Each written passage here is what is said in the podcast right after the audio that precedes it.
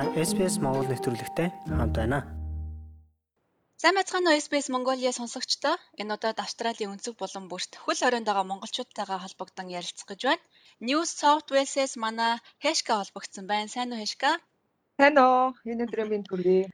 За, Виктория Мужаас туул холбогдсон байна. Туулаа сайн уу? Аа, сайн уу ундраа. Сайн. За, Төв Австралийн мужаас манай анх хоёр холбогдсон байна. Сайн уу анхаа? Сайн уу, сайн байцгаана уу, энэ өдрийн минь төргий. За, өдрийн минь төргий. За, хөл орой тавтай юу?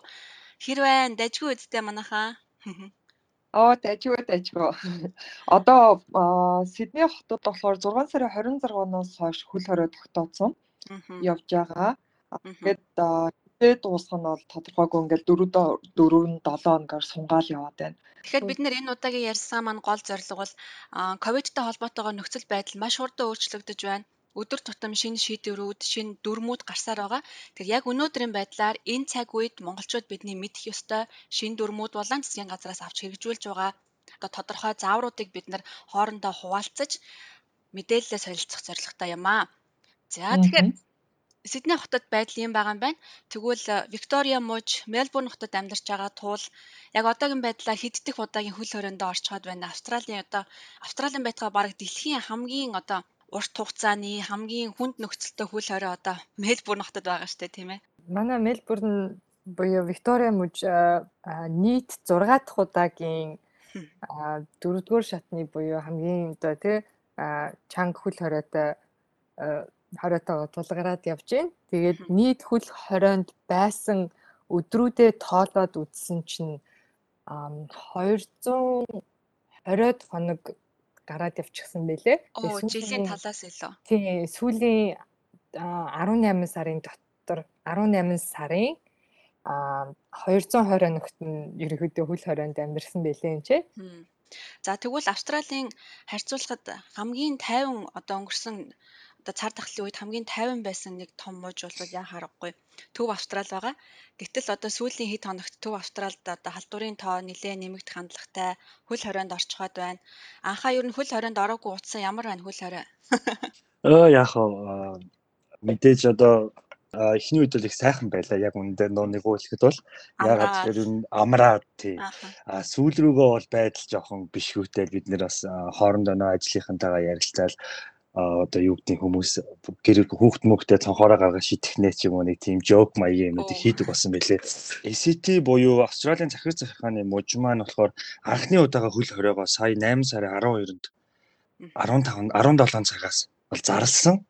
А яагаад анхных гэж яваа гэхээр эхний wave дээр бол бид эхний одоо коронавирус 2019 онд гарснаас хойш жил гаруй over 1 year а ямар ч дотоодын кейсгүй хамгийн аюулгүй муж байсан бол өнөөдөр ингээ хөл хорионд орцсон явж байгаа.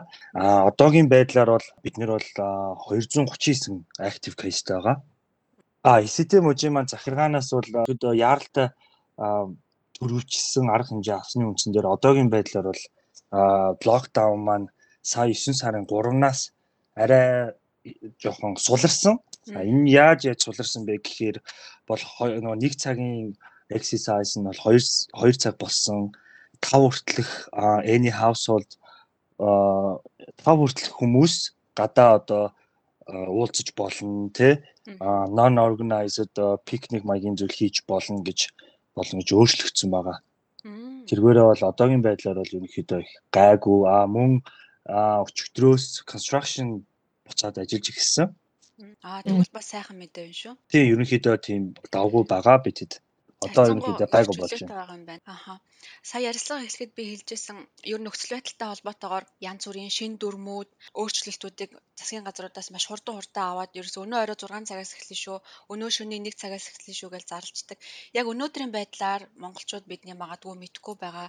Эсвэл та нар ингээ ажиллахад хэрэгжүүлэхгүй байгаа. Биднийг хамгаалах гол алхмууд ер нь юу байна вэ? Та нар энэ тухай бас мэдээлэл өгөөч. За New South Wales-ийн хэшгээс эхлэе. Хэшгээ тэргээр сони юу байна? Тий, Сиднейд бас яг л адилхан хүл хорой чанга байгаа. А тэгээ 9 сарын 13-наас эхлээд сая Алексын хэлснээр а 5 хүн гадаа тийм пикник хийж болно. А тэгээ 5 км дотроо явж бол ингээ арай суларж байгаа.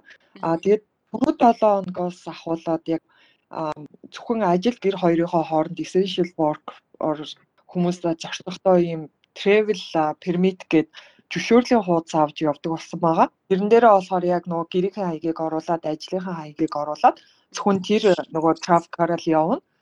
А яг нөгөө монголчуудтай хэлэхэд бол тэрийг зөрчөөд одоо жишээ нь ингээ яваад торгуулж ирсэн хүмүүс их мерсэр гараад байгаа юм байлаа. Тэгэхээр одоо тэр нөгөө зөвшөөрлийн бичгээ аваагүй гадуур явж байгаа бол 5000 доллараар торгоно гэх мэтчлэн торгуулууд байгаа байхгүй. Тийм болохоор бүр тийм шаардлагатай эмнэлэг идрээ орохгүй л авах юм бол зөвхөн ажил гэр ажил гэр гэж явж хахад одоогор бол амьд үлзэтэй байна гэж. За тэгвэл Мельбурнд одоогоор монголчуудтай хэлж өгөх магадгүй чи бас ингээ гадуур явж байхад монголчуудын нэг жоохон зөрчөөд байгаа биднийг хамгаалах ёстой тэр алтмуудын тухайд мэдээлэл өгөөч. Миний ойлгож харж байгаагаар бол манай энд байгаа монгол нь вэ нүү эсвэл ялангуяа монголчуудын бол харьцангуй дүрмийг их сайн дагж байгаа гэж бод. Аа шин арай зөөлрүүлж сулруулсан дүрм нь юу вэ гэхээр 12-оос доош насны хүүхдүүдэд тоглоомын талбай нээлттэй болсон байсан. Тэгээд гол нь эцэг эхчүүд асран хамгаалагч нар хүүхдүүдэд тоглоулахдаа заавал масктайгаа байна гэсэн дүрм л тийм л өөрчлөлт орсон байсан да. Баг одоо сар сар шахуул сар гарны хугацаанд ингээ хөл хорионд байчлаа. Энэ хугацаанд та нарт тулгамдж байгаа гол асуудал юу нь юу байна? Гэр бүлийн хувьд, хүүхдийн сургуулийн хувьд гэдэг юм уу? За эндээсээ онцлог зүгээр санхүүгийн асуудал юу нь хэр үүсэж байна? Можийн захиргаанаас болон бусад байгууллагуудаас мэдээж иргэдэд янз бүрийн санхүүгийн дэмжлэгүүд үзүүлж байгаа. Тэгэхээр энэ дэмжлэгийг та нар маань хэр авч чадчихээн? Ер нь яаж авч байгаа тухайдаа бас монголчуудтайгаа хуваалцааж. За, New South Wales-ийн хишгээгээс эхлэх үү? За тэгээ. Австралчин бас хөөрхөн нөгөө баян орн болохоор тий янз янзаар одоо дэмжээл гэртээ байгаад өгөөч гэл байгаа байхгүй. Тэгээд 6 сарын 26-наас хойш бол disaster payment буюу ажлынхаа тодорхой ажил эрхэлдэг байсан. Аа тэгээд ковидоос энэ хөл хорионоос шалтгаалаад ажлынхаа цаг нь багассан хүмүүс тэр disaster payment-д apply хийгээд авч болж байгаа. Миний хувьд болохоор яг нөгөө локдаун зарлагдаад 7 сарын 1-ээс нөгөө татварын яг буцаалтын үе эхэлдэг. Аа тэгээд тэрэнд яг офсоос ажиллах байсан чи манайх локдаунд ороод тэгээд 20 цаг нь багасаад тэгээ 20 цагийн нөгөө disaster payment авч үзсэн. Тэгээд их гоё юм билээ уулна. Эхний удаа 7 хоногт 500 орж ирдээсэн. Тэгээл за локдаун сунглаа гингүү 650 болоо. Сүүл 600 болоод сүүлдээ 750-аар авч явж агаад аа тэгээд түрүү 7 хоногоос би яг нөгөө онлайнаар ажиллах цаг нь нэмэгдээ тэгээд disaster payment-ээ зогсоосон байгаа. Аа тэгээд ихэнх хүмүүс бас надаас асуугаад байсан. Disaster payment-ээ одоо ингээд өргөжлүүлээд аваад яваад ээж болох уу гэд. Үнэхээр ажилдаа орсон. Тэ? Ажлаас ч ингээд мөнгө орж ирж байгаа тохиолдолд зогсоохгүй бол дараа нь өндөр торгуул ингээд ногдё шүү гэд энд анхааруулад нэлээд хэлсэн бэлээ. Аа тэгээд бас тэр нөгөө disaster payment-тэй apply хийхдээ өөрөө яг нөгөө авах хэрэгтэй нүү гэдгээ сайн чеклэж авахгүй бол манайхаа өө за би хүн болгоо аваад байгаа юм чинь би авч яага болохгүй гэд аплайтчдаг. Дараа нь эн чинь нөгөө 108 хоногийн дотор ингээд өөрийнхөө пассвортыг авч очиод банк стейтментээ авч очиод ажлын чинь газрын тий а компани чинь захиралтай яриад үнэхээр энэ хүн одоо ажилдах цагаа алдсан уу гэд бүгдийг шалгах болохоор бас ийм эрсдэлтэй юм хийж болохгүй шүү л гэж зөвлөх байна. Тэгээд хэрэгтэй мэдээлэл. Айгаад disaster payment-тэй тэгээд авах ойлцсон. Манай захирал болохоор за яг хөө айл айл нь явж үж болно шүү дээ. За яг хөө дөрмээл дагая гэд. байгаа. Аа тэгээд нэмэх нь бас нөгөө residential tenancy support гэдэг нөгөө байрныхаа эзэн юм уу эйженттэйгээ холбогдоод 3000 доллар хүртэлх тийм нөгөө түрээсээсээ хөнгөлүүлэх тийм ирэх бас үүсэж байгаа юм байлээ. А тэнгууд энийг хэн авах вэ гэхээр бас яг тодорхой шалгууруудыг хангасан хүн авах хэрэгтэй мөлий. Одоо яг гэрэн дээр гэрээ нөө гэрэн дээрээ гар үсэг зурж гэрээ хийсэн хүн маань ажлаа алдсан. Эсвэл орлого нь 25%-аар буурсан тий 6 сарын 26-наас хойш 4-7 хоногт ажлынх нь орлого нь 25%-аар буурсан. А тэгээд цаашдаас ингээд буурах орлоготой хүмүүс бол эйженттэйгээ яриад апплайдад үзэхэд бол болох юм билээ. Аа тэгээд 9 сарын 24-нөөс энэ 3000 хүртэх тийм нөгөө түрээсээ хөнгөлөлт чөлөөлт нь 4500 болж бас нэмэгдэж байгаа юм билээ. Аа за. Гэхдээ энэ нь болохоор нэг удаадаа л up to 4500 гэсэн байгаа байхгүй.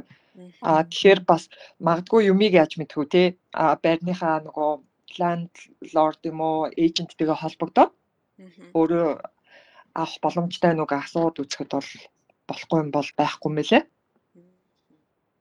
За өөр ковидын бизнес грант гэж энэ бас яг бүх мужуудад байгаа юу зөвхөн нэр савд бил бүх мужуудад байх шиг байлаа. Манад бол байгаа. Аа манай бэлдсэн байгаа тийм. 6 сар Ер нь бол бүгд ойролцоо л байгаа юм шиг шүү. Тийм байна. 6 сарын 26-наас 7 сарын 17-ны хооронд локдаунаар одоо орлогоо алдсан.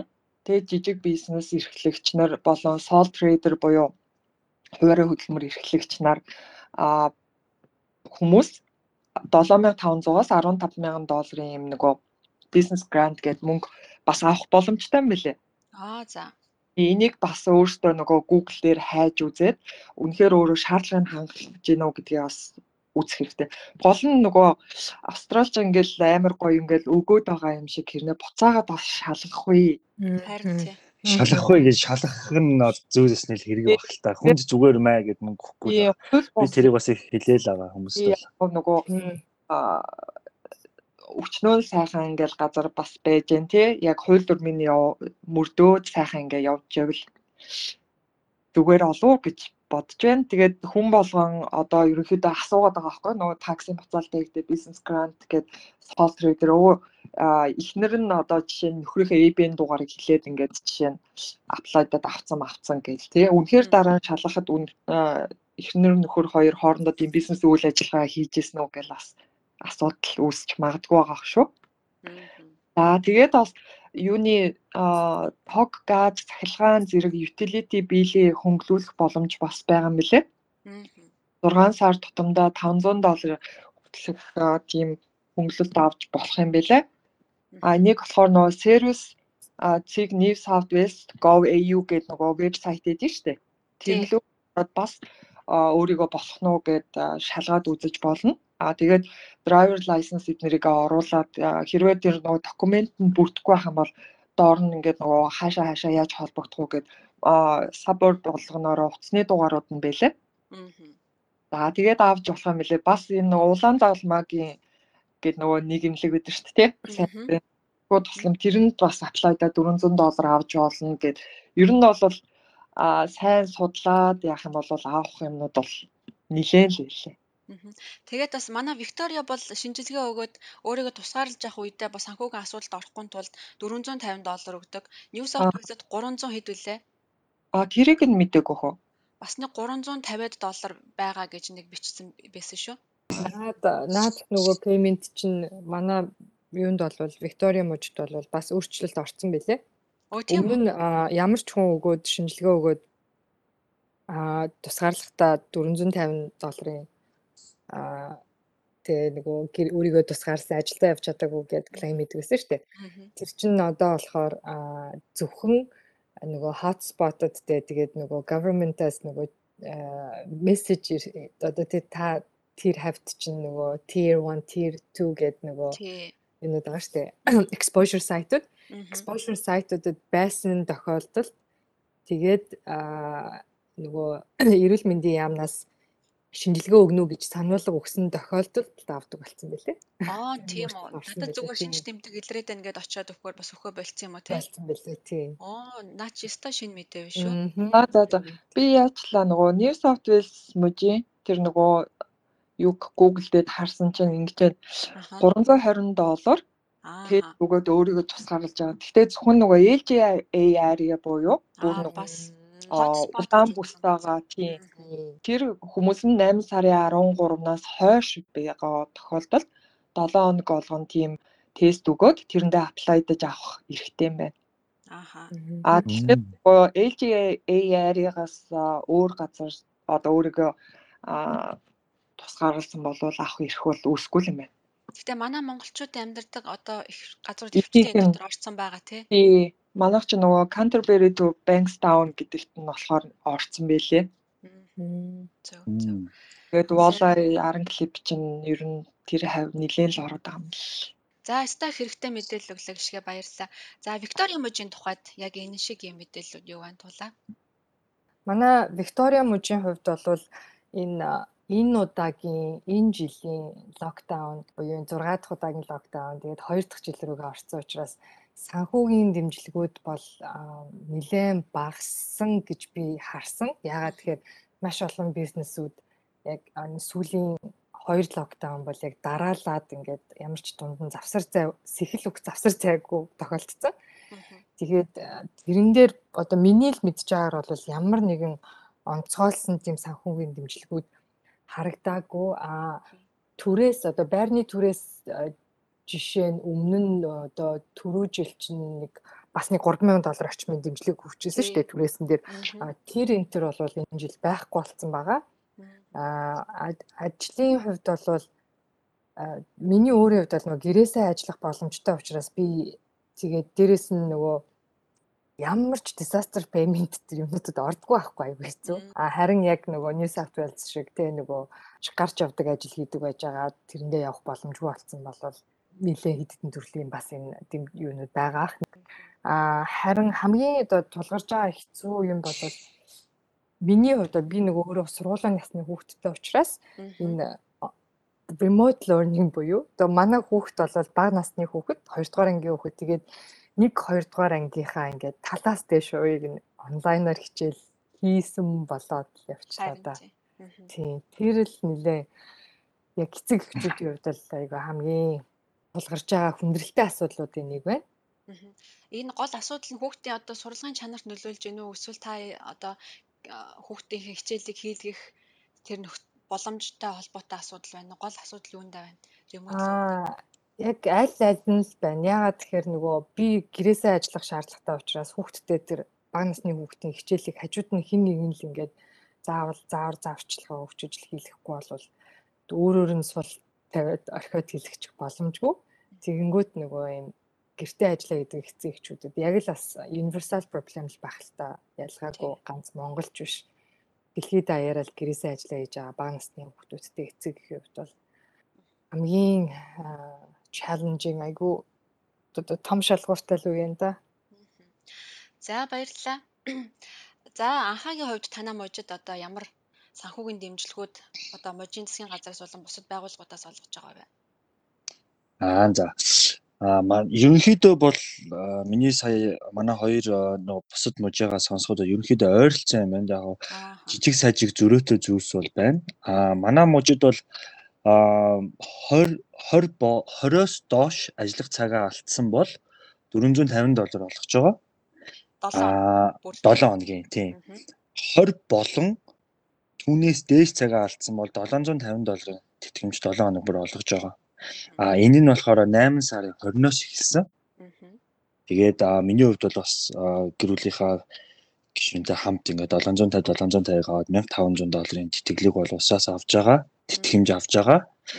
Өөр одоо ер нь ахаа монголчуудаа бас нэг сануулад хэлэхэд бол яг нөгөө сая хишгагч хэлсэн нөгөө буцаж очиж тэр бичиг баримтаараа өөрийгөө батлан тий очиж пассвортойгоо очиж өөртөөгөө батлан дээр нь өөрийн чинь ажил олгогч руу холбогдно гих мэтлэнүүд байгаа. Тэгээд дээр нь манайхаа одоо ингээд нөө ажиллахтаа бас их кэшаар ажилтдаг тий кэш ажил хийдэг ингэдэг тэгдэг гэд. Тэгээд ер нь бол яг энэ бас энэ цар тахлын үед бол бас яг юмыг ном журваар нь хийвэл ямар ашигтай вэ гэдгийг бас харуулж ин гэж би дотроо бол бодож байгаа.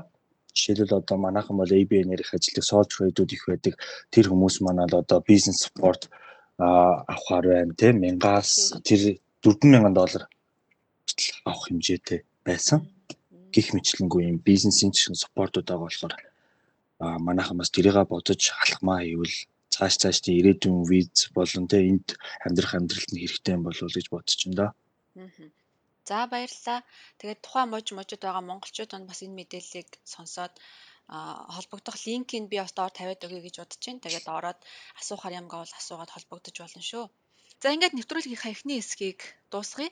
Дараагийн хэсэгтээ бид нар монголчуудын бас олноороо ажилдаг барилгын салбарт гарсан зарим өөрчлөлт, шинэ дүрмүүдийн тухай тодорхой мэдээлэл хүргэх болно. За хөл хорой хизээ туслагдах нь тодорхойгүй байгаа энэ үед эртээ хэрхэн эрүүл байх ялангуяа сэтгэл зүйн болоод бие эрхтний хувьд одоо эрүүл байх зөвлөгөөг манай хөл хорионд байгаа гурван зочин маань маш үр дүнтэй зөвлөгөөнүүдийг хуваалцсан байгаа. Ингээд дараагийн дугаараар уулзтлаа. Баяртай. Үүнтэй адилхан бусад нэвтрүүлгийг сонсомоор байна уу? Apple Podcast, Google Podcast, Spotify эсвэл та өөрийнхөө сонсдог апп ашиглан манай нэвтрүүлэгтэй хавд байгаарай.